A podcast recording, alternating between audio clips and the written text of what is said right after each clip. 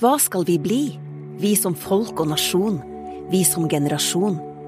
I ei tid full av utfordringer, men òg muligheter, la oss bli de som tok ansvar og styring, som skapte nye bransjer og næringer, som oppfylte håpet om bærekraftig vekst, som ville noe nytt, noe bedre, noe mer.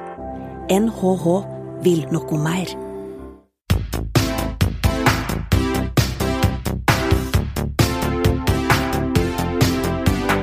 Velkommen til en ny episode av Ledertaffel, NHHs podkast om ledelse. I denne podkasten kaster vi et blikk på aktuelle tema innen organisasjon og ledelse. Vi diskuterer hva forskningen sier, og vi kommer med noen av våre tanker om hva ledere kan gjøre annerledes for å lykkes der de er. Mitt navn er Marius Jones, og jeg er ph.d.-stipendiat her ved Norges handelshøyskole. I denne episoden snakker vi om den nye normalen, og vi har med oss Jarle Hildrum, seniorforsker og leder for HR og organisasjonsanalyser i Telenor. De mest inngripende smitteverntiltakene er nå avviklet, og det norske arbeidslivet går inn i det som ofte kalles den nye normalen. Og denne episoden handler om hvordan virksomheter bør forholde seg til at medarbeidere nå kan komme tilbake på kontoret. Vi snakker om hva som er best av hjemmekontor og vanlig kontor, hvem som skal bestemme hvor ansatte skal jobbe, kontordesign i den nye normalen, og om det hele har konsekvenser for hvordan vi bør lede. Velkommen til en ny episode av Ledertaffel. Og vi skal snakke om den nye normalen. Og med meg så har jeg Jarle Hildrum, som er seniorforsker og leder for HR og organisasjonsanalyser i Telenor. Tusen takk. Og så har jeg selvfølgelig med meg Therese Sverdrup, som er førsteamanuensis ved NHH og fast podkastmaker. Så velkommen til deg. Tusen takk, Marius. Og denne her pandemien den har jo lært oss at vi kan jo faktisk jobbe hjemmefra, sånn som vi gjør nå når vi sitter med denne podkasten. I hvert fall én av oss. To av dere er jo på kontoret nå, men vi er i hvert fall ikke på samme sted. Og også at dette funker kanskje for jobber som vi ikke har tenkt at egner seg så godt for dette.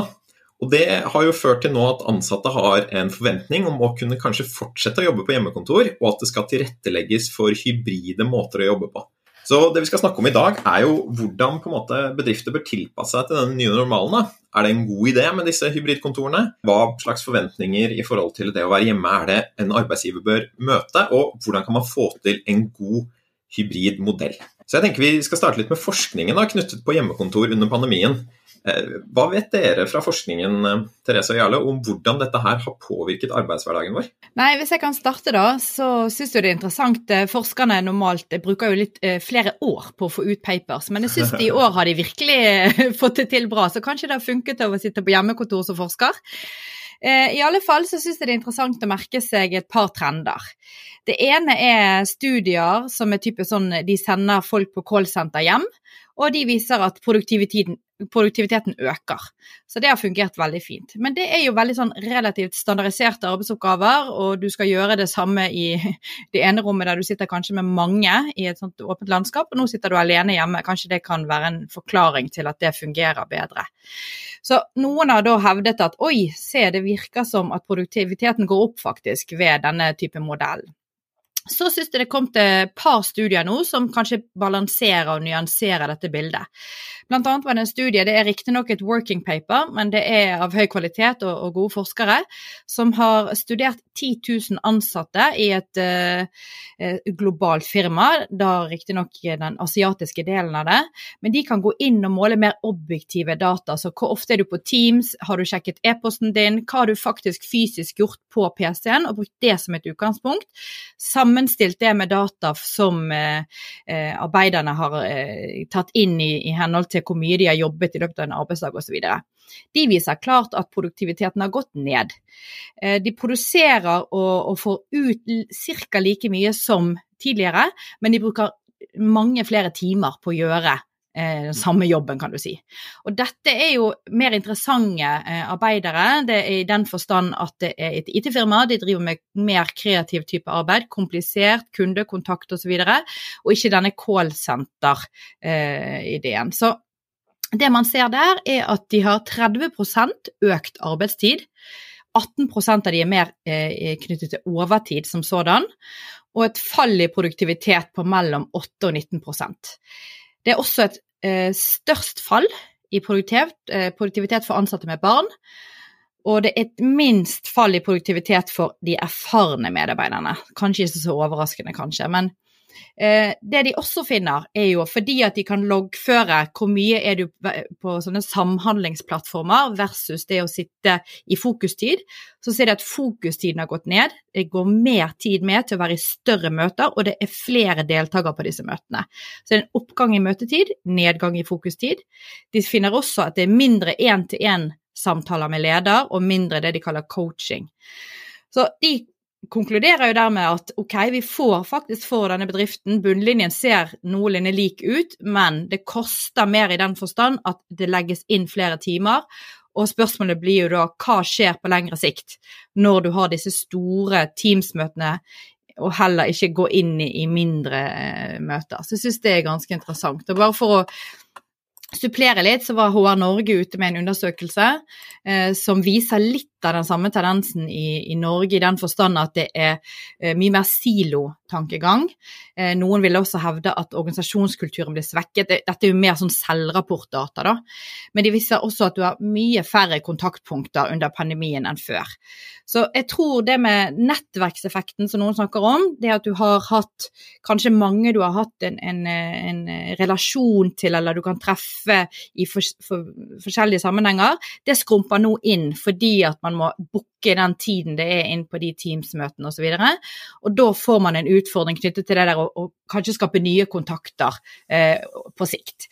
Så det blir jo interessant å se da. Nå har vi vært i en veldig spesiell situasjon med at alle var kastet på hjemmekontoret.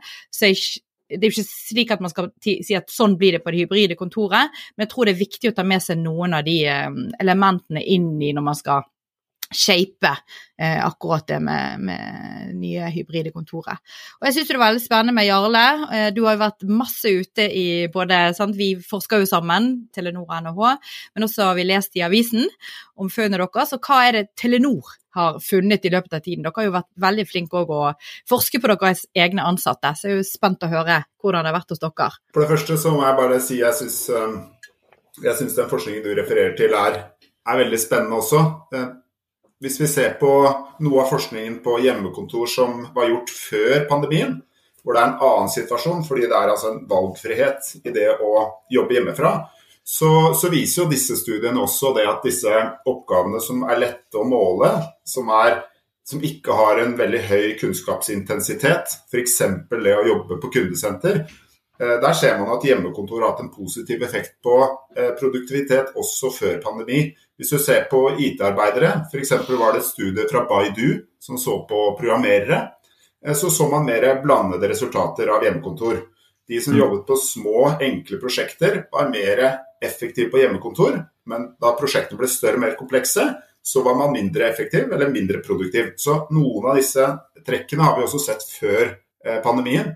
Så det, det føyer seg litt inn i det. Men det er klart at det, pandemien er jo en, et kjempeeksperiment. Eller det, det, lager en setting for et enormt naturlig eksperiment, hvor vi kan virkelig forstå hvordan dette med å jobbe fra ulike steder, ha høyere grad av fleksibilitet og nye måter å jobbe på, hvordan det påvirker både produktivitet og tilfredshet. Så fantastisk. Eh, hos oss i Telenor så har vi vært inne i samme type um, problemstillinger. Vi har data selv på callsenteret gjort undersøkelser, kontrollerte undersøkelser av produktivitet eh, på callsenteret i Telenor Danmark, Telenor Pakistan, altså to land. Eh, hvor vi sammenligner de dagene hvor folk jobber på callsenteret og har lederen hengende over seg, og når man jobber hjemmefra og ingen ser deg. Og der ser vi ingen endring i produktivitet, men vi ser en økning i tilfredsheten. Det er det vi, vi ser hos oss. Eh, men så har vi også sett på andre oppgaver hvor det er en høyere grad av kunnskapsintensitet.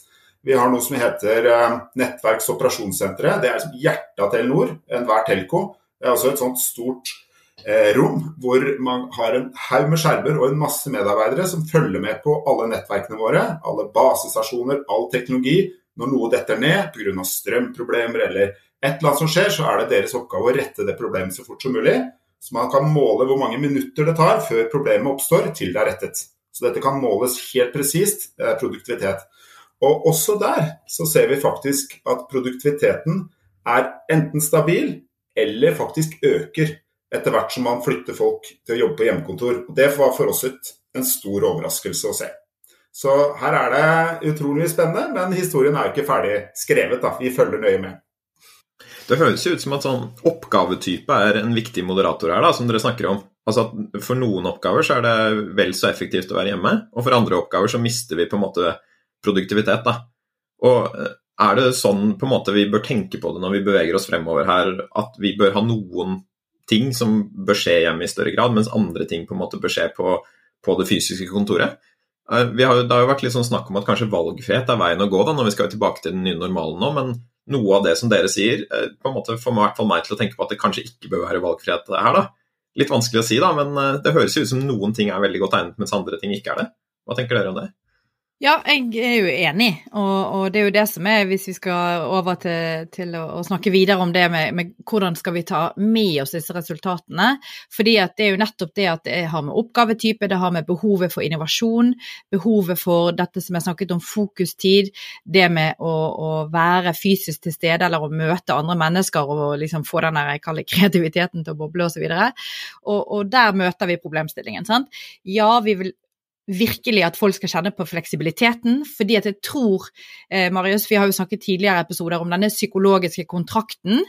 Eh, og det jeg kan merke meg, er at i pandemien så opplever jeg at mange ansatte har kjent på at nå har vi virkelig stått på. Sant? Vi har eh, bare måttet hjelpe denne bedriften og hverandre til å, å virkelig få dette til. Og, og man har gitt og gitt, hvis man kan kalle det det. Og nå forventer man litt at nå skal vi få igjen. Og det vi vil ha igjen, det er tilrettelegging og fleksibilitet. Og hvis da en arbeidsgiver sier nei, nei, nei, vi går tilbake til sånn som vi hadde før, for vi, vi tror dette blir skummelt, da blir det det vi kaller et brudd på en psykologisk kontrakt, og da kan du få utilfredshet. Eh, Medarbeidere tenker oi, oi, oi, skal jeg virkelig jobbe på denne arbeidsplassen her? Det tror jeg ikke. Da vil jeg heller gå til de andre som virkelig tenker å, å ta inn over seg dette nye. Men da er vi igjen tilbake til det jeg syns er spennende med vi skal diskutere i dag, er jo OK, du har lyst til å ha fleksibilitet. Du har lyst til å ta med deg det vi har lært av det gode, men så er det det at hvis alle skal bestemme når du skal på kontoret, så blir det jo fullt anarki, og vet ikke helt når det blir. Sant? Da er det hjemmekontor mandag og fredag, og så ja. Så, så det syns jeg blir spennende å dykke ned i. Og jeg vet jo at dere i Telenor har jo tenkt litt rundt dette, Jarle, og kan kanskje inspirere oss litt til å ta gode valg. Ja, i dag morges så leste jeg en artikkel av Satya Nadella, eh, altså CEO i Microsoft. og han, eh, han snakker om noe eh, som de der kaller for det hybride paradokset, som er mye av det du snakker om her nå.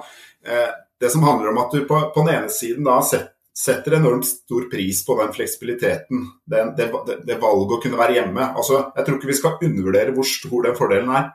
Det å slippe å reise inn på kontoret, det er jo fantastisk. Altså, det løser jo så mange praktiske problemer for så mange mennesker. Eh, det gjør livet lettere for veldig mange, og jeg tror at det egentlig overskygger veldig mange av ulempene eh, som er der òg. Men så er det sånn som du sier, og som vi også ser, at folk eh, ønsker jo eh, det sosiale fellesskapet også. Og de ønsker å ha den muligheten til å møte noen tilfeldig. Eh, de ønsker den varme lunsjen, de ønsker eh, masse kaffe som de slipper å lage selv. Så det er et paradoks. Eh, de ønsker å være hjemme, men de ønsker å være på kontoret. De kan ikke være der på begge steder samtidig. Så, så det er et eller annet med eh, den, den, ubegrensede friheten som, som, som, det er et ønske om. Det vi kommer inn i her, egentlig, da, det er en spenning mellom enkeltindividets ønsker og behovet til fellesskapet.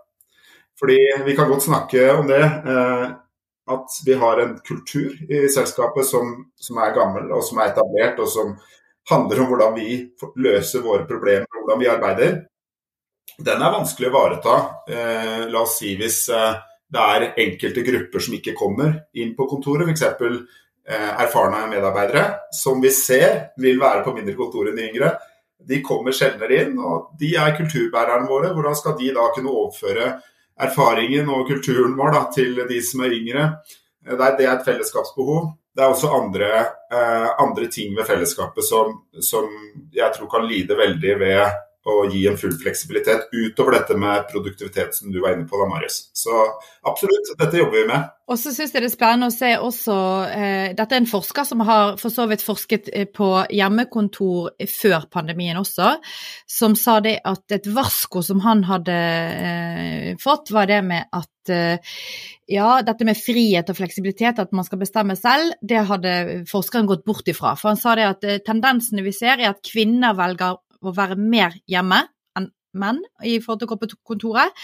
Og det som skjer da, er at vi får denne her problematikken rundt likestilling igjen. Fordi at da de som er på kontoret, dette vet vi fra før pandemien, er de som også får lettere forfremmelser, lønnsforhøyelser osv. fordi man er synlig overfor sjefen. Mens de som sitter på hjemmekontor, taper i det terrenget. Så, så der var det liksom OK, kvinner ser ut til at de i etterkant av pandemien har lyst til å ha mer fleksibilitet, jobbe mer på hjemmekontor, og det kan bli eh, skadelidende da, for likestillingen eh, på sikt. Så det syns jeg også er et veldig viktig moment å ta med seg.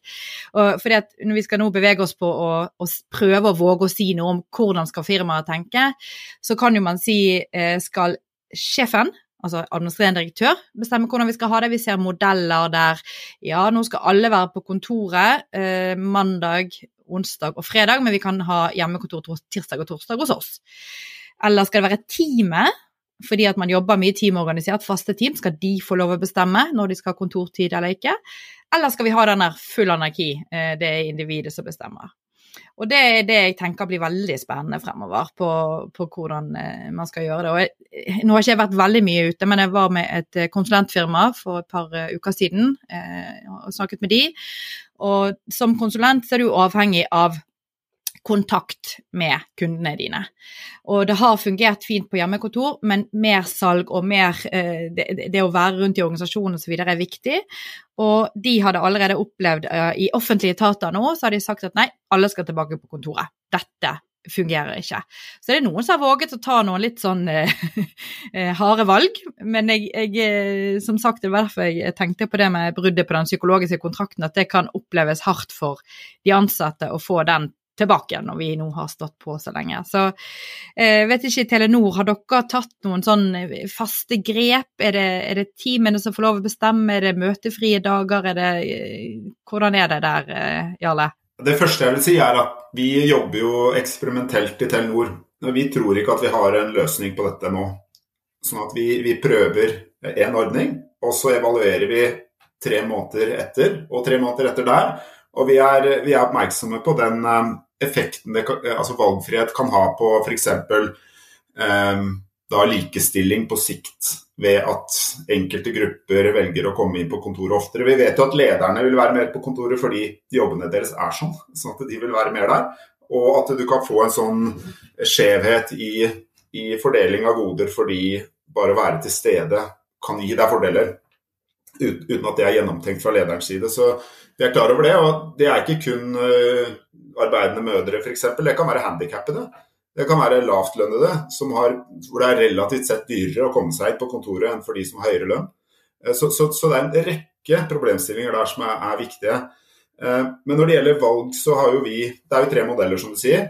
Eh, vi vet at Apple har valgt den hvor, hvor SEO sier at dere får to dager, og resten må dere være. Alle er på kontoret de to dagene. Jo, da har man jo lik tilgang til alle goder, alle mann og kvinner, men det er jo ekstremt upopulært der også. Eh, og så har du den fulle valgfriheten, og så har du det der hvor teamet da velger. Og vi har valgt den på midten, hvor, hvor det er da teamene som med noen føringer eh, får lov til å bestemme selv hvilke dager hele teamet skal være på kontoret, og hvilke dager de skal være hjemme. Og det er en ganske utstrakt grad av frihet da, eh, som vi har gitt, med noen variasjoner på tvers av enheter. Eh, det jeg tenker på her, det er er det egentlig en stor forskjell mellom team, Hvis du lar teamet bestemme, og du lar den enkelte ansatte, det har jeg spurt meg selv om. fordi La oss si vi har i forskningsavdelingen der jeg jobber, så har vi jo tre team. Hvis, den, hvis en teamleder der sier jeg vil at dere skal komme fire dager på kontoret, og så er det en annen teamleder som sier jeg vil at dere kommer én dag, hva skjer med ansatteundersøkelsesresultatene til den lederen som da tar det upopulære valget? Altså Ansatte har jo en voldsom påvirkningskraft opp mot mellomledere. Ikke sant? De, de vil være under press eh, fra sine ansatte. Så jeg tror egentlig at, eh, at vi, vi, når vi lar teamene bestemme på et lavt nivå, så nærmer vi oss en modell hvor det er veldig høy grad av valgfrihet. Og det ikke er så fryktelig stor forskjell fra den hvor det er individet som bestemmer. Så jeg, jeg, tenker dette blir ganske spennende å se på hvordan det her ser ut ja, tre-fire måneder frem i tid. Ja, og bare for å respondere på det, så tror jeg også at det som jeg har merket meg når jeg har snakket litt med folk, er jo det at ja, teamet skulle møtes, men så sier han du vet du hva, jeg jeg klarer ikke å komme inn i dag. Sant? Kan, ikke dere bare, kan ikke jeg bare logge meg på eh, fra Teams? Eh, og så sier en annen i teamet også ja, det stemmer for meg òg, fordi at eh, rørleggeren kommer. Sant? Eh, så terskelen for å da eh, gå inn i et hybridmøte blir jo mye lavere enn det var før. Eh, og hva vet vi om hybridmøter? Jo, det er veldig vanskelig. sant? Da er det like greit å bare ta et digitalt møte. For de som sitter på skjerm to stykker og fire i rommet, de blir veldig ofte går glipp av ganske mye. Smalltalken før, etter osv. Det må være ganske god å strukturere de møtene hvis du skal få til gode hybride møter, i alle fall. Hmm. Det er en, ting som jeg lurer litt på før vi hopper eh, helt inn i dette med hvordan se fremover og utforme hybridkontorene. Og det er egentlig hva som er oppsidene med hjemmekontor. Fordi at eh, Når vi snakket litt nå om på en måte for og imot, da, så høres det ut som for en del jobber så er produktiviteten lik eller økt for de som er på hjemmekontor. Og så eh, snakket vi ikke så mye om hva som gjør at det funker så godt. da. For det høres ut som en del av på en måte, fordelen med hjemmekontor er dette med reisetid og fleksibilitet. Men det er på en måte ting som ikke høres ut som det bør ha en direkte effekt på liksom, produktiviteten. Mens disse nedsidene, da, som at det er mer siloer og større møter og færre tilfeldige møter, da, de høres mer sånn um, høres mer klart ut da, hvorfor det på en måte er negativt. Så hva, hva tenker dere er på en måte det beste med hjemmekontoret? da? Hva, hva, er det man får ut av det som gjør at produktiviteten er lik eller bedre for noen type oppgaver? Og grunnen til at jeg spør, er liksom hva er det vi egentlig bør på en måte ta med oss når vi skal inn i den nye normalen, som vi ikke skal miste da, fra på en måte erfaringene vi har gjort med hjemmekontor? Jeg tenker i hvert fall oppgavetype er ekstremt viktig å ha med her. For sånn som Therese også sa, så er det jo en variasjon på, på, på hvor produktiv man er på hjemmekontor, avhengig av hva man gjør.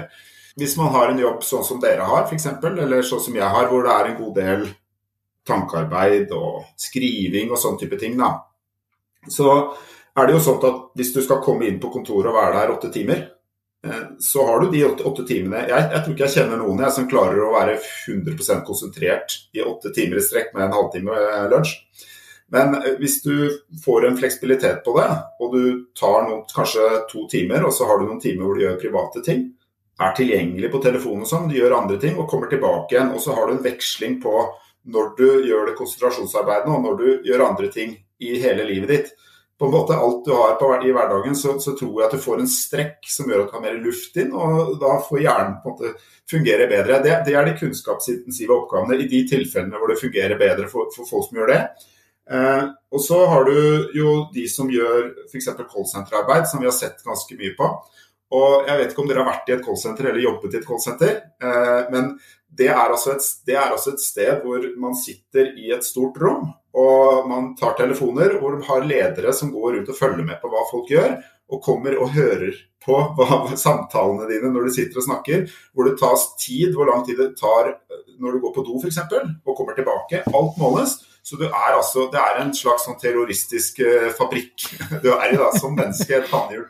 Og, og, jeg, og, jeg, tenker at det er, en, det er en form som vi egentlig burde sluppet for lenge siden. Og når du da slipper tar folk ut av den tvangstrøya som jeg mener sånne arbeidsplasser ofte er, og gir dem den friheten å kunne løse problemene hjemme, de måles jo nøye uansett, så tror jeg at folk rett og slett trives bedre i jobben, og at det reflekteres over i hvor godt de klarer å løse samtalene mot kundene, og hvordan kundene også opplever de. Fordi produktivitet er ikke bare hvor mange samtaler du tar per, per, per, per, minutt, men også hvor happy den kunden er, og hvor mange problemer du klarer å løse. Så, så jeg tror det handler om, det handler om forskjellige ting, eh, avhengig av oppgave. Ja, og hvis jeg skal supplere med, med fordeler, eh, opplagte ting som eh, Ikke tenk bare sånn hjemmekontor, men det er jo det glo globale kunnskapen du får tilgang på. I, i, hvis vi tenker tilbake at du måtte bare møte folk fysisk Nå eh, har jo dette vært forsket på med kall det virtuelle team, at du kan koble på folk fra hele verden inn i, i samme møte, og, og den tilgangen du får, kan få på kunnskap gjennom å jobbe over nettet, hvis vi kan kalle det det, eh, og nå bare fra hjemmekontor, er jo fantastisk. Eh, det andre er jo dette med klima og miljø. At vi nå slipper å reise, eh, både til møter i Oslo kanskje, og eh, kan ta ting mye lettere. Vi er blitt flinkere å koble oss på ulike plattformer. Veldig bra. Og så det som Jarle var inne på, det med work-life balance, altså arbeid og liv, arbeidsliv og familie. Der er det jo altså Fra før pandemien så ser vi jo begge deler der. At folk opplever mer balanse, for du kan ta de der eh, kall det klesvasken og sette den på, og hjelpe barna ut og, og, være der når de kommer hjem, men så må du jobbe litt på kveld kanskje. altså Du, du, du får en, kan balansere det selv. Men noen vil jo si en ulempe der at det blir en familie- og arbeidskonflikt, fordi at du er pålogget hele tiden. Så avhengig av hvor flink du er da som arbeider i å koble deg på, og av, og, og kall det forhandle med, med, den du jobber eller bor hjemme med, tror jeg dette er liksom en, en fordel og en ulempe kan være, da. Eh, og så er det jo det med mindre forstyrrelser. Altså, vi ser jo det i dag, de som nå har mer åpne landskap osv. Eh, har mer at noen kommer rett bort på pulten og spør osv. Sitter du hjemme, så er det en større terskel gjerne for å bare ringe opp på Teams, at du kan sitte mer eh, for deg selv og oppleve det vi kaller mindre distraksjon og, og autonomi. Så eh, ja, det er masse fordeler. men jeg tror rett og slett at de som skal ta beslutningene, må kjenne litt på hva er arbeidsoppgavene. Eh, krever det at mennesker skal være kreative, være, samhandle med hverandre, komme opp med ideer, så vil det nok eh, selv om det finnes Miro-board og paddle, eh, hva de heter, de er padletter, og jeg har vært med på mange typer, men de fleste sier jo det at Oi, denne kaffepraten rundt kaffemaskinen, og bare at du liksom kommer i en flyt uh, uten at det kanskje var planlagt, er veldig uvurderlig for bedrifter. Der vil jeg føye til bare sånn kort at jeg er veldig enig med deg. Og jeg, jeg, jeg tror vi her er inne på også Vi har snakket om oppgavetype, og så er det mennesketype òg. Og hva slags liv man har, og hvor man er i livet. Fordi eh, vi også ser at det er mange som sliter med det å skille privatlivet fra jobben når de jobber på hjemmekontor. Særlig de som har kunnskapsintensivt arbeid, som jobber i teknologiingeniører, f.eks. finans, eh, jurister. De kan slite veldig med det. Og, og, det handler jo om at det handler om en form for disiplin. Da, å skille, være flink sjøl til å skille tydelig. Det handler om hva slags leder du har rundt deg, og hvilke grenser den lederen setter. Og så, og så, handler det jo om hva slags kontekst det er, om du har eh, to små unger og, og du har en eh, ektefelle som jobber i helsevesenet, vakter, og du ikke har noen avlastning f.eks., så er det jo ting skal gjøres osv. Så, videre. så, ja, så, så det er veldig avhengig av person og, og, og livssituasjon.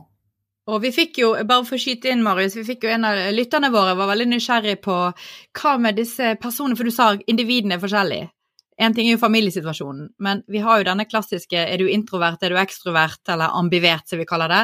Hva har det å si for uh, for den betydningen og behovet for hjemmekontor. Og her, eh, Jeg kjenner ikke så mange studier som har tatt dette inn i, under pandemien, men det er jo klart at eh, ekstroverte vet vi jo gjerne vil ha mer folk rundt seg enn introverte.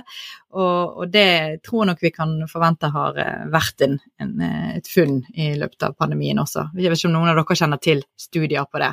Jeg har sett at det har kommet noe, men jeg har bare en, jeg har en refleksjon rundt det.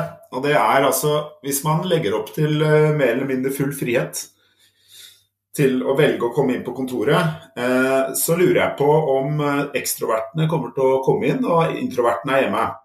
Og, og, hvis det er noen som har vært i et møterom med bare ekstroverter, så er det jo sant, umulig å komme til orde. Det er jo en krig om hver eneste Altså, Det er veldig fint å ha en blanding og en balanse i et møterom. Og særlig da hvis introvertene sitter på link og ringer inn, så blir de jo gjerne glemt. ikke sant? Så, så det er, dette her er eh, faktisk bare viktig, tror jeg. Jeg tenker at hvis vi ser det i forhold til vår forskning på team og teamarbeid, så er det jo en del som spør om det. Ja, hva er betydningen av personlighet inn i dette for å få teamet til å, å, fungere best mulig? Så er det jo sånn at det er veldig vanskelig å skulle si det at nå skal vi plukke de perfekte personlighetssammensetningene inn i et team, og nå vil de gjøre det fantastisk bra. Altså, vi tror jo ikke at det er mulig. Men denne å være oppmerksom på hvilken personlighetstype har jeg med meg i teamet, det er selvfølgelig nyttig. For det er jo som du sier, Jarle, eh, de ekstroverte vil bare uansett eh, ha noe å si. For det er jo sånn det er, man tenker høyt. Eh, mens introverte trenger litt mer tid. Og da, hvis ikke man er som teamleder eller en som leder møte oppmerksom på dette og bringer folk inn, så er det dette som vil være en stor utfordring, da. Og det gjelder uansett om du er på, egentlig fysisk samlet på et kontor eller sitter i Teams, da. Jeg tenkte bare å sone litt mer inn på den der beslutningen som vi snakker om her, da, som er hvem skal bestemme hvordan vi skal på en måte organisere dette med å være på kontor, og hvor mye valgfrihet vi skal ha. Og jeg tror det er vanskelig å gi et generelt svar på det, fordi at det virker som er så mye ulikt, men kanskje vi kan på en måte prøve å si enda litt mer om hvilke variabler man må hensynta når man skal ta den beslutningen. For jeg hører jo én ting her, er jo bare det åpenbare hvilken oppgave er det folk holder på med? Det bør på en måte spille inn. Og så er det litt hvem er disse menneskedypene vi har med oss, for det kommer også til å påvirke. Og så er det litt som du sier her, Therese, da, den psykologiske kontrakten, altså de forventningene som medarbeidere har. Det bør man på en måte også ta med inn i beregningen. Kommer dere på andre ting som man også bør liksom hensynta som leder, når man skal bestemme eh, dette her med hvilke krav vi skal ha til hvordan folk skal komme inn på kontoret eller ikke? Jeg kan føye til uh, i hvert fall to ting. Eh, det ene har Therese vært inne på, og det er jo miljø og klima. Uh, fordi, fordi det, er, det, er jo, det er jo en slags man, har, man, ønsker jo å måtte ha en Og nå tenker jeg ikke først og fremst på, på pendlertiden, men mer det å ha effektiv bruk av lokaler. Fordi Hvis du gjør f.eks. som Tim Cook i Apple har gjort, da, og sier at nå har vi to, to dager i uka hvor folk må være på kontoret, Eh, eller jeg tror det er tre. Da har du to dager hvor du sannsynligvis ikke har noen der. Eh, men du har jo en diger bygningsmasse osv. Så, videre, så, det er et eller annet med å prøve å, å tenke det òg. Altså tenke på hvordan er det vi måtte av Eller har det minste både klimafotavtrykket fra vår virksomhet og, og, fra kontorene våre. og Det koster jo en masse. altså Jeg sitter jo her på Fornebu. og vi skalerer jo veldig ned, men, men, det er fortsatt en ganske det er en svær gigant. ikke sant? Og, og masse strøm og, og sånn som går med her. Så, så det, det, bør også være tenker jeg, noe man må ha med inn i bildet. Og så føler jeg at man må også slå igjen dette med fellesskapet. Vi har vært inne på sant, effektivitet og, osv., men, men så har du også undergrupper som, som vil slite ganske mye, eh, tror jeg, hvis man legger opp til en løsning hvor, hvor, hvor, det blir ganske lite kontortid. Da tenker jeg på eh, folk som har arbeidsplassen som sin egen eneste sosiale møteplass, altså som ikke møter folk andre steder. De har vi et ansvar for. Uh, unge nyansatte som kommer inn i arbeidslivet første gang og så skal bygge seg et nettverk f.eks., eller lære seg akronymer og fagsjargong på jobben. Det er vanskelig, altså. Du, så det er et eller annet med liksom, hvordan legger vi til rette for at vi ikke kaster bort eh, masse, eller forurenser for mye, og passer på de gruppene som faktisk trenger denne sosiale kontakten. Så det, det er to variabler. Mm.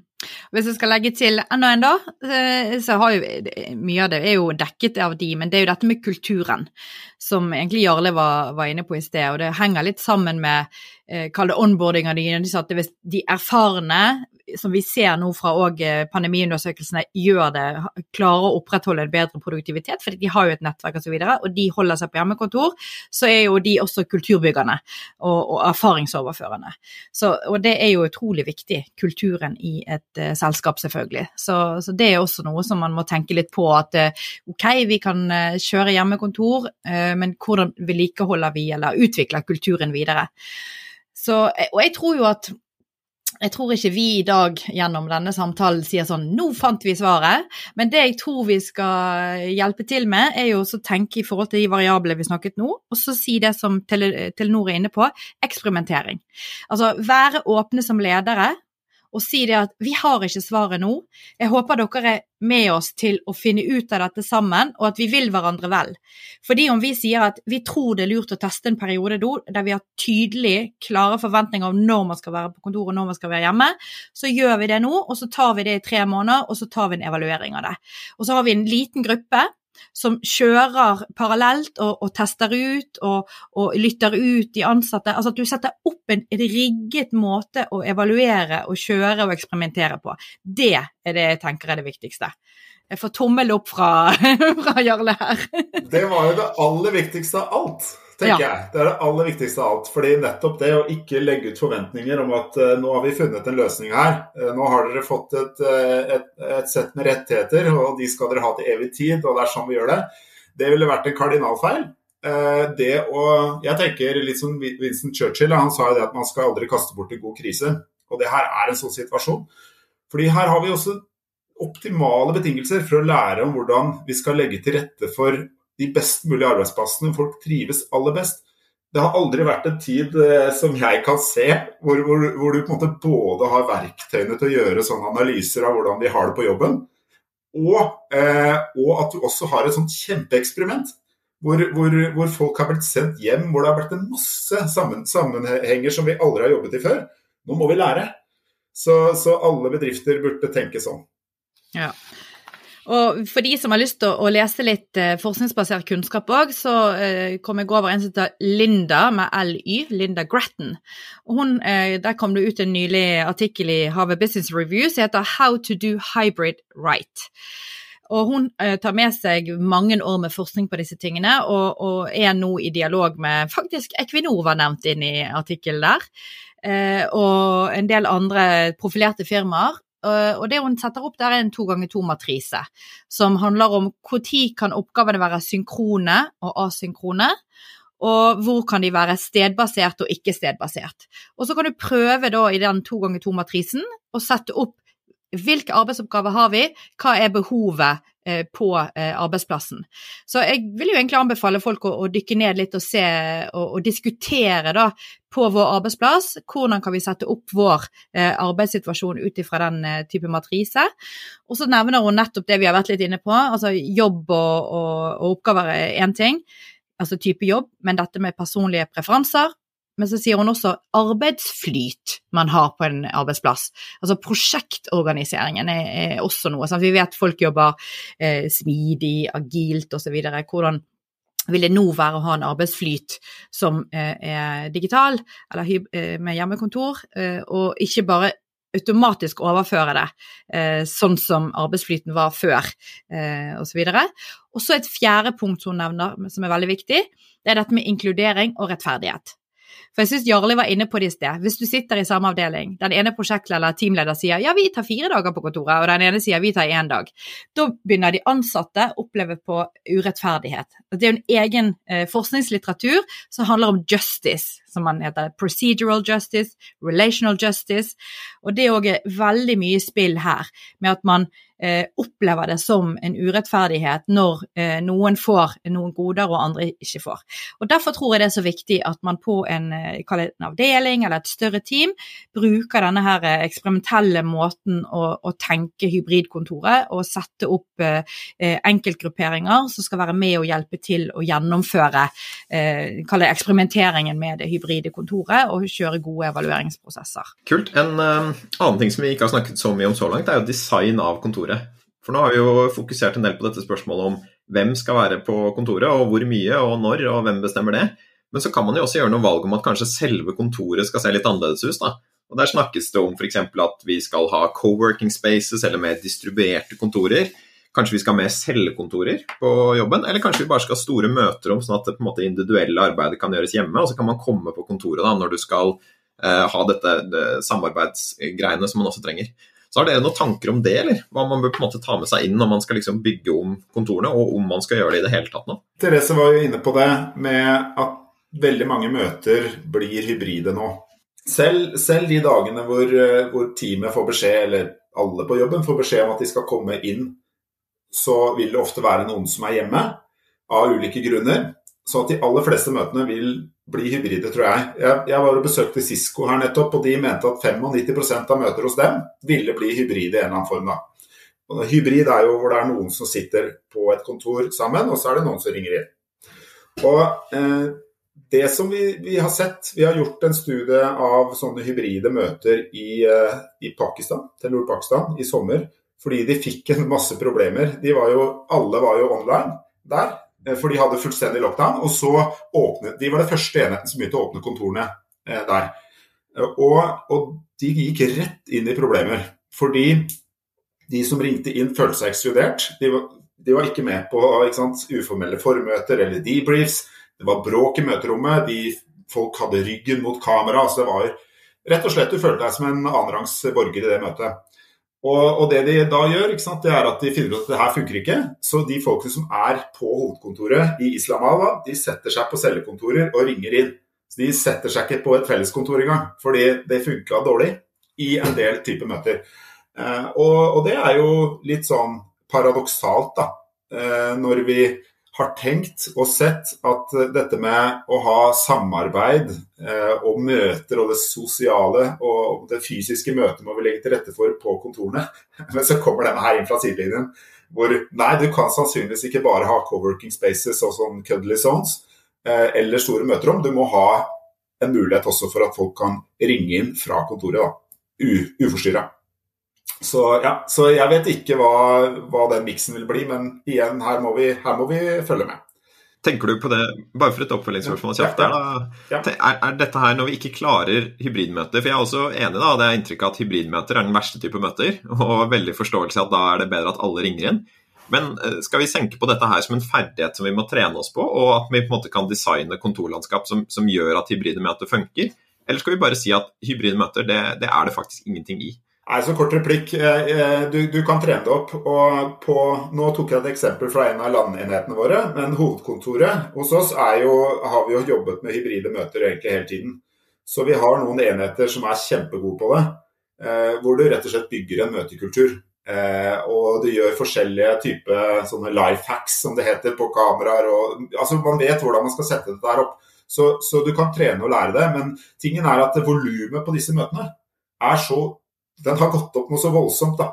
Og det vil ta litt tid da, før man klarer å, å, å, bygge den kompetansen hos så mange mennesker. Så akkurat nå tror jeg det er en, en utfordring. Jeg, eh, for å kommentere på det, så er det jo det som er utfordringen. sant? Men vi, vi gikk jo inn i denne delen vi snakket om nå, Marius, med dette med det fysiske. Hvordan skal vi utforme eh, kontorene? Og det er jo interessant å merke seg at eh, på NHH har vi rehabilitert bygningsmassen fra det gamle, og mye mer eh, åpne landskap, som selvfølgelig nå er blitt en stor utfordring, fordi at man skal sitte på Teams mens man er på jobb. Og da må man inn i noen sånne bitte små båser som jeg ser Jarle sitter i, eh, så knapt det er luft inni der. Jeg tror ikke det er veldig bra, så da må man sitte hjemme istedenfor. Så jeg bare hadde en undersøkelse som var vist til her, at eh, 35% av norske bedrifter vil kvitte seg helt med kontoret. Og det syns jeg er interessant knyttet til at folk begynner faktisk å tenke litt nytt nå, eh, tilbake til sånne type co-working spaces som nå skal sant? Er du et firma av en størrelse som ikke er sånn kjempestor, og du ser at hjemmekontoret har fungert, kanskje vi kan nå la våre ansatte hyre seg inn på sånne type co-working spaces, og så får man se hvordan det går, spare penger og ja, Jeg vet ikke om vi skal si at det er et miljøspørsmål, men i hvert fall en, en, et økonomisk spørsmål. Men da er vi tilbake til den problemstillingen med dette hybride møtene, og at man ikke får en fysisk samling av mennesker. Men samtidig så har jo vi studert noen konsulentfirmaer som eh, stort sett sitter ute hos kunder, men møtes en gang i måneden cirka til sosiale sammenkomster, og klarer å bygge likevel en kultur for dette konsulentfirmaet. Så det er ikke Det er interessant, altså. Hva, er det som skal til, egentlig? For at du vedlikeholder og opprettholder kulturen. Så kan jo man, når man studerer sånne type konsulentfirmaer, faktisk oppleve at det er mulig. Sant? At man sitter spredt eh, og likevel holder en viss kultur. Men det er noe man må være bevisst på, og et veldig viktig eh, spørsmål for ledere, tenker jeg. Veldig kult. Det høres ut som uh, det, mangler litt på fasitsvar der også. Da, og, og Det er jo dette her med at det kommer til å være veldig avhengig av igjen da, disse variablene som vi snakker om, da, om hva som er det riktige kontoret. Men vi har i hvert fall uh, snakket om noen ting som man på en måte kan ta hensyn til litt, da, og, pratet litt om menyen av, av ulike måter å løse det på. Uh, en ting som vi også bør komme innom da, før vi begynner å runde av, er dette med ledelse. Og om det er noe annerledes som ledere bør gjøre nå når vi går inn i måte, denne nye normalen. Og her er det jo, måte, blir det jo stort åpent spørsmål om hva den nye normalen egentlig er. ikke sant? For nå kan vi se for oss at det er på en måte en ren valgfrihet, der hvor det ikke er noen som er på kontoret samtidig, eller kanskje folk er spredt rundt på sånne co-working spaces. Men realiteten blir vel uansett her nå da, at, at, ledere på en måte i større grad må lede mennesker som på en måte ikke i hvert fall sitter fysisk på samme sted som seg selv. da. Så er det noe vi, vi tenker at blir annerledes nå, når det kommer til hva som er god ledelse, eller hvordan ledere på en måte bør opptre i, i den nye normalen? Jeg syns det var interessant å høre Jarle sine beskrivelser av disse mm, callsentrene. Der du tidligere har en leder som faktisk kan fysisk gå rundt og ha kontroll. Og denne lederen nå har ikke kontroll lenger, vil det føles som. sant? Jeg vet ikke, kanskje har de sånne calling-systemer der de kan faktisk eh, gå inn i, i telefonen og, lytte, det vet jeg ikke. Men, men, en ting som er i hvert fall sikkert, er at ledere må lære seg å slippe kontroll. Fordi at eh, sant, Noen har jo tidligere snakket om at eh, ja, vi kan ikke sende folk på hjemmekontoret, hva i all verden er det de driver med der? Da har vi null kontroll. sant? Fint å ha de på, på kontoret, for da kan vi i hvert fall sjekke at de jobber. Så ledere må slippe kontroll. Ledere må, eh, sant? Vi snakker om tillitsbasert ledelse, vi snakker om denne tjeneledelse, som vi har nevnt, eh, hatt en egen episode på tidligere, Marius. Eh, og det tror jeg nå eh, blir i hvert fall viktig fremover. Å vise at du som leder stoler på at om noen velger å ta hjemmekontor, så gjør de det fordi at de mener det er et godt valg for at arbeidsoppgavene blir utført på en bedre måte, og at man da ikke nødvendigvis skal trenge den eh, veldig sånn kontroll-demand-type eh, oppfølging. Selv om ledere må på en måte lære å slippe taket, så, så, kan jo det kanskje være enda farligere hvis man glir inn i en sånn laissez-faire-ledelse, altså sånn la det skue-ledelse nå. Fordi at det er jo også en risiko for at ansatte føler seg forlatt. Da. Så hva tenker du er på en måte den riktige måten å lede på, gitt at man liksom skal unngå det også? Det er helt klart, fordi at eh, og det jeg mente med å si at uh, man skulle slippe kontroll, så var ikke det med at man skulle slutte å snakke med de ansatte. Det er jo det at du sjekker inn hvordan har du det. Uh, er det greit? Fungerer det sånn? Vet du arbeidsoppgavene dine? Hvordan er det i, i forhold til teamet ditt? Og, og jeg, det jeg har opplevd når man har hørt noen sånne typer studier av er at det har vært utrolig krevende for ledere under pandemien. Fordi at de må sette opp enkeltvis møter. Det er ikke bare å stikke innom kontoret og spørre sånn 'Hvordan går det, Jarle? Er noe sånn, Går det fint på jobben i dag?' Men du må, du må, følge opp på en helt annen måte. Så det, akkurat det har vært veldig krevende. Eh, og jeg tror nok at det, den, den omsorgsbiten som ble påkrevd, egentlig. Fordi at det kan sitte folk der hjemme nå med eh, redsel for å bli syk eh, av korona. De kanskje har vært det. Eh, du må sjekke hvordan det er med familien, er noen som er i karantene. Altså det, plutselig har det blitt en, en helt annen måte å tilnærme seg sine ansatte på for å ta hensyn til en, ja, en, en, krisesituasjon, rett og slett. Så behovet for ledelse vil jeg si er stort, men at det er mer den type relasjonelle omsorg, tillitsdelen, som blir det viktige. Og så får man satse på at de ansatte man har hatt som har jobbet en stund, vet arbeidsoppgavene sine og er åpne nok til å spørre når man har uh, utfordringer. Og så er det selvfølgelig den utfordringen for de som er helt nyansatte. Hvordan onboarder du de? Uh, og det gjorde jeg sjøl eh, med en ansatt, og vi hadde sånn kaffeprater hver morgen klokken ni. Altså, det, det, var jo liksom redningen, fordi at han hadde jo ikke peiling. Og jeg prøvde liksom å tenke ja, kan jeg sette opp noen møter med noen osv. Så, videre? så Så det, jeg tror nok at ledere vil si at det har vært veldig krevende ja, jeg kan si litt om hva vi har sett hos oss, i hvert fall. Eh, det er jo, Hvis du skal dele inn i to typer hos oss, så er det noen folk som, noen ledere som er opptatt av å, å følge med på hva folk gjør, altså selve arbeidsprosessen. Og som har følt en trygghet i å være i samme rommet som sine ansatte. Kanskje spesielt i Asia så er det litt utbredt, men også her også i Norge. Eh, og så har du ledere som jobbe mer med å sette mål, og så ikke blande seg så veldig mye i hva, hvordan man gjennomfører på det, men som er gode på å følge opp etterpå. Så det er to litt sånn typer. Det ene ser på, ser på, arbeidsprosessen, de andre ser på måte, mål og resultat. Da. Og Den første type leder har hatt det veldig vanskelig hos oss i pandemien, så da kan jeg måte, bekrefte det du sier, Therese. Eh, det har vært en stressende tid for dem, og mange av de har prøvd å kompensere med det at du ikke er på samme sted, så har de brukt uh, digitale medier, WhatsApp eller andre ting, og pinger folk langt utpå kvelden og spør hva gjør du nå, har du gjort det du skulle gjøre, osv. Jeg tror det er verre, nesten verre for lederen enn det er for den stakkaren som får alle disse meldingene. og alt det her. Så, og det bare, det bare funker ikke. Det er et mareritt når folk er hjemme. Og Så kommer vi ut av pandemien, og så skal jo være mer kontortid. Men det vi vet, er at det blir masse, masse hjemmekontor. Det, det kommer til å skje. Så, så jeg tror at eh, det, det, ikke er noen annen vei enn å enn å ha ledere som da eh, ikke blander seg så mye i gjennomføringen av arbeidet. Men det blir fantastisk viktig å være god på å sette klare, tydelige mål og følge opp. Så at man må lede på en tydelig måte også.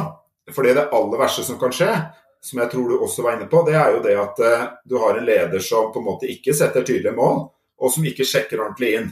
Og hvis, Da kan du ha ansatte som føler seg fullstendig forlatt eh, hjemme, og som ikke leverer. Det er verre enn detaljstyring. Ikke sant? Så, så at eh, her, her, må lederne eh, ha en, en, god relasjon og følge opp eh, på sitt, sine ansattes ve og vel.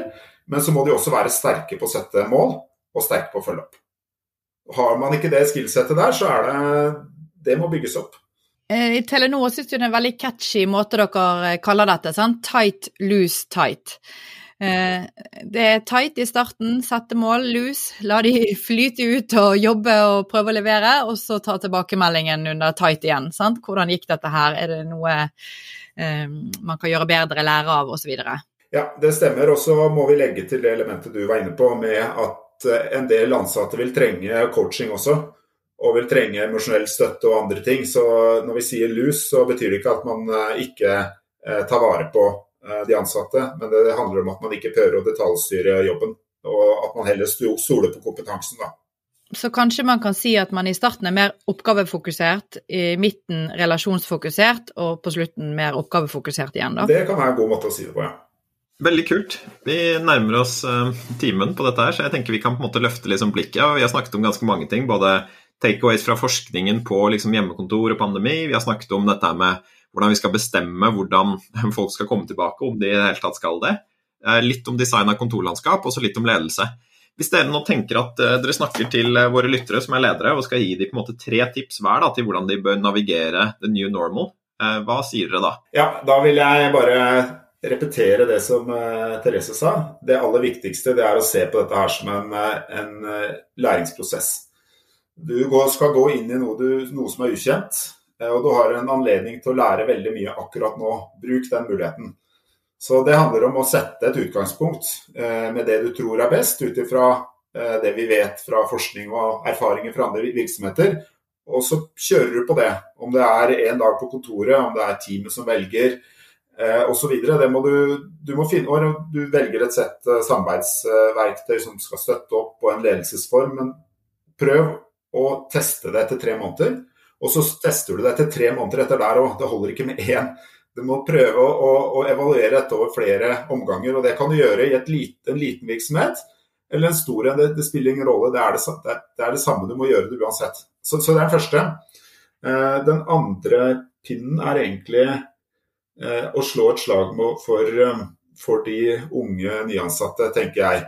jeg. jeg. snakker med mange hos oss, og de som da har fått jobb i pandemien og jobbet først og fremst hjemmefra, eh, føler nok at de ikke har klart å komme ordentlig inn i, inn i miljøet.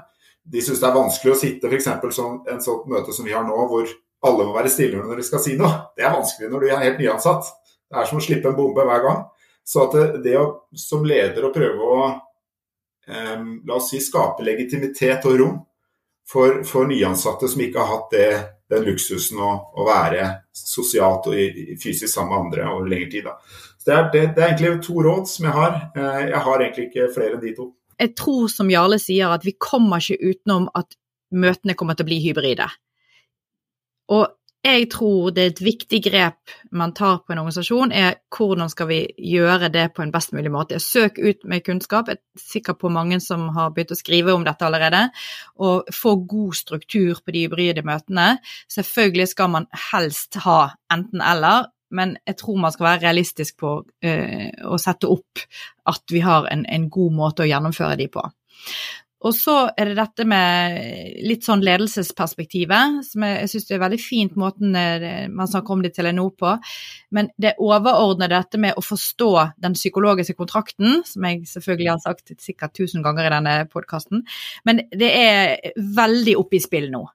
For folk opplever at hva var kontrakten før? Eh, vi vet ikke helt hva kontrakten blir nå. Og det å være åpen og snakke om hvis man opplever det vi kaller forventningsbrudd, og være åpen som leder for at man kan ta den samtalen om hva er forventningene til hverandre, det tror jeg blir ekstremt viktig fremover også. Og det kan man òg sette opp i den konteksten av eksperimentering, at man også sjekker inn på ja, men jeg trodde jo at uh, når jeg gjorde slik, så fikk jeg det tilbake, videre. Det, det, er det som ligger i, i den psykologiske kontrakten.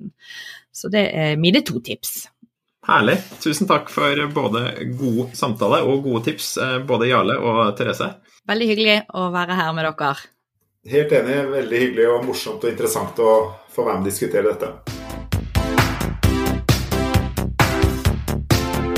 Du har nå hørt en ny episode av Ledertaffel, NHHs podkast om ledelse.